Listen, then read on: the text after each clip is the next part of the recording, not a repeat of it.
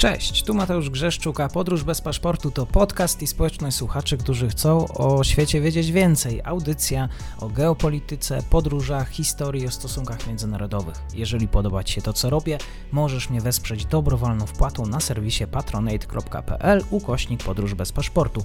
Serdecznie za to dziękuję, bo właśnie dzięki temu mam szansę rozwijać to miejsce. Obserwuj, polub i udostępniaj dalej. Zapinamy pasy, czas na kolejny odcinek podróży. Dzień dobry wszystkim słuchaczom, dzień dobry niedzielnie. My pozostajemy nadal w temacie Ukrainy i wizyty prezydenta Załęskiego. Moim gościem dzisiaj jest pan Piotr Andrusieczko, Outrider z Gazeta Wyborczy. Dzień dobry panie redaktorze i dziękuję za przyjęcie zaproszenia. Dzień dobry. Rozmowa Załęskiego i Bidena nie przyniosła rozstrzygnięć właśnie w sprawie Nord Stream 2. Daleko do porozumienia. Załęski został przyjęty jako jeden z tych pierwszych, chyba jako ósmy prezydent. To chyba znak, że Stany Zjednoczone dosyć poważnie traktują Ukrainę. Tak, rzeczywiście to jest e, ósmy lider, e, który gości w Waszyngtonie od początku kadencji Bidena i drugi europejski po Angeli Merkel. Więc to można jakby to rzeczywiście traktować w kategoriach, że Ukraina jest jeden z priorytetów e, polityki zagranicznej administracji Bidena. Ja myślę, że chyba warto tutaj zacząć od tego, że tak naprawdę no, te oczekiwania w samym Kijowie, one nie były aż tak bardzo duże. To znaczy, owszem, co niektórzy jakby spodziewali się tego, że właśnie może coś tam stanie się przełomowego w kwestii właśnie chociażby e, członkostwa Ukrainy w NATO, czyli że właśnie Stany Zjednoczone poprą tutaj otrzymanie MEP ze strony e, właśnie NATO. E, natomiast no, większość jednak, pod, większość ekspertów w Ukrainie polityków ukraińskich i przedstawicieli władzy podchodziło do tego bardzo realistycznie. To znaczy, to jest pierwsze spotkanie Bidena e, z ukraińskim prezydentem. Więc w gruncie rzeczy jest to taka, można powiedzieć, że była to wizyta rozpoznawcza.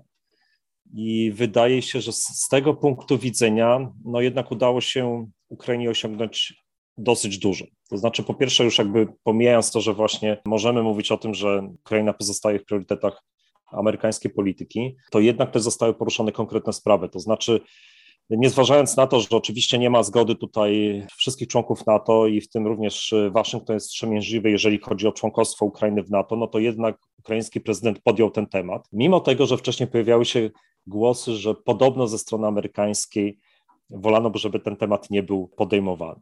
To znaczy, że to też jakby pokazuje, że ukraiński prezydent jest w stanie jakby też no, e, mówić o tym, co jest ważne z punktu widzenia jego, jego państwa. I też w tych kategoriach trudnych pytań no, znajdowała się kwestia Nord Stream 2. E, to jest oczywiście też jakby tutaj trudno było cokolwiek osiągnąć.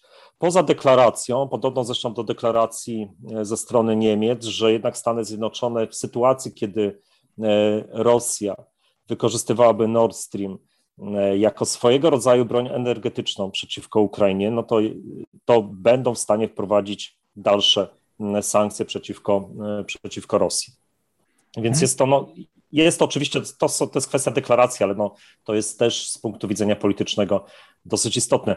Natomiast pojawiły się też konkretne rzeczy, dlatego że oprócz spotkania z Bidenem, Załęski spotykał się również z innymi przedstawicielami Waszyngtonu.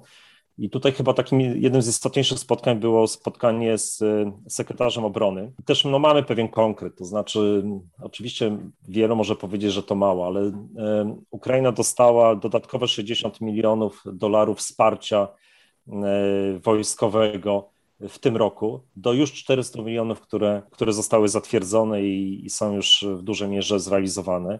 I co najważniejsze, jakby w tej kwocie mieszczą, w tej kwocie 60 milionów e, mieszczą się dostawy e, broni, konkretnie broni, chodzi tutaj o wyrzutnie rakiet przeciwpancernych Javelin i też broń strzelecką. Więc to jest jakby też sygnał, że ta pomoc jest stopniowo zwiększana, bo co roku Stany Zjednoczone od 2014 roku y, przekazują taką pomoc wojskową, ale w pierwszych latach, zresztą z, y, wtedy, kiedy Biden był wiceprezydentem, była to pomoc, która nie obejmowała broni. To znaczy, to była pomoc różnego rodzaju tam sprzętu wojskowego, ewentualnie zasobów walki elektronicznej, natomiast bez broni. To się zmieniło za Trumpa, no ale co najważniejsze, jakby właśnie Biden podjął się kontynuacji tej polityki, że jednak e, Stany dostarczają broń. To są kwestie oczywiście również e, innych, inne pomocowe, bo zatwierdzono również inne kwoty, między innymi na pomoc w walce z pandemią koronawirusa, pomoc w demokratyzacji kraju. Więc ta pomoc finansowa jest już taka, jest regularna, ona jest właśnie zwiększana, można powiedzieć, co roku. Natomiast, no, co jeszcze istotne, zostały też podjęte pewne porozumienia w sprawie współpracy, na przykład w dziedzinie kosmicznej, czyli tutaj jakby możliwości e, załączenia e, ukraińskich przedsiębiorstw z tego przemysłu kosmicznego do amerykańskich projektów. Takie projekty wspólne są już realizowane. E, natomiast chodzi o to, żeby właśnie kontynuować i być może jakby rozszerzać tę, tę współpracę. Chodzi też o projekty oczywiście czysto biznesowe, o współpracę właśnie, inwestycje w zasadzie amerykańskie w ukraińską gospodarkę o możliwą inwestycję, dużą inwestycję e, w ukraińską energetykę jądrową. Chociaż tutaj zostało podpisane memorandum, no ale zobaczymy, czy uda się to zrealizować w praktyce. Jak minimum byłoby to taki program pilotażowy dotyczący budowy nowego bloku energetycznego w Chmielnickiej elektrowni jądrowej, czy oczywiście reaktor już według technologii amerykańskich. Więc to w gruncie rzeczy można powiedzieć, że to jest, to jest wizyta jednak udana. No z całą świadomością tego, co wielu komentatorów właśnie w, podkreślało w Ukrainie, że no pewnych, że pewnego poziomu przeskoczyć się po prostu nie da. I też jakby zauważono to, że są bardzo ścisłe oczekiwania ze strony Stanów Zjednoczonych odnośnie Ukrainy, odnośnie ekipy Zełęńskiego i od tego, jak sobie właśnie już, jak Kijów będzie dalej reagował, no zależy też dalsza pomoc amerykańska. Kilka tygodni temu sekretarz Rosyjskiej Rady Bezpieczeństwa Nikołaj Patruszew powiedział, że no, USA zostawiły na lodzie sojuszników z Afganistanu i tak samo mogą zostawić Ukrainę.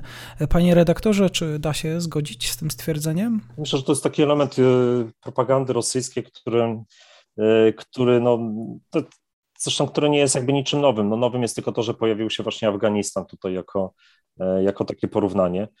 E, I zresztą, no, oczywiście ten Afganistan, on, on jest gdzieś, był w tle tej, tej wizyty, no bo ta wizyta była praktycznie tuż po e, wycofaniu się ostatecznie Amerykanów z Afganistanu i takie porównania również można było słyszeć w Ukrainie ale wydają się one zupełnie błędne. To znaczy, jednak po pierwsze, e, patrzymy na dwa zupełnie inne państwa, tak jeżeli porównujemy sobie Afganistan z Ukrainą, e, bo mimo wszystko, e, już mówię, zupełnie inna sytuacja geopolityczna, inna sytuacja wewnątrzpolityczna. My mówimy jednak o Ukrainie, o państwie, które, które jest demokratyczne, w którym są instytucje demokratyczne, mamy społeczeństwo obywatelskie i które oczywiście ma mnóstwo problemów, związanych e, z funkcjonowaniem. E, natomiast no, trudno to podważyć. Tutaj, jeżeli Amerykanie mogą coś oferować, to jedynie właśnie wsparcie dla dalszej demokratyzacji, dlatego żeby właśnie te instytucje e, stały się jeszcze, jeszcze silniejsze, ale nie ma mowy o tym, że coś jakby tutaj przynosimy i coś instalujemy w Ukrainie.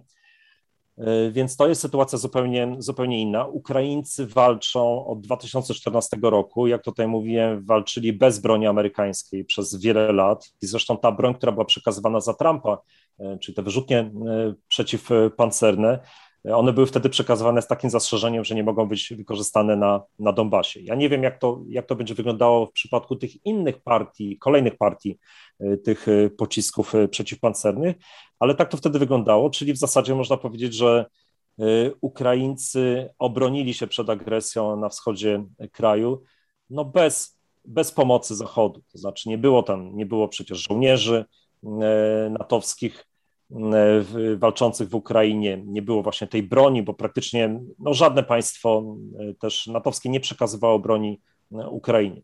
Więc tutaj no jakby to każde porównanie z Afganistanem wydaje się chybnym. No to pytanie na koniec, jednym zdaniem. NATO nie chce przyjąć e, Ukrainy. Dlaczego? Ja myślę, że to jest e, stary problem e, części państw członkowskich NATO. Ja tylko przypomnę, że w 90 latach Polska spotykała się z podobnym oporem i nawet w Stanach Zjednoczonych z, od, część, od niektórych senatorów czy też kongresmenów amerykańskich, którzy uważali, że trzeba właśnie dogadywać się bezpośrednio z Rosją, że to się może nie spodobać Rosji. Ja myślę, że ten że coś z tego cały czas zostaje wśród niektórych członków państw natowskich, pewna obawa przed właśnie reakcją rosyjską po to, żeby właśnie nie nasilać jakby tej konfrontacji między Zachodem i Rosją.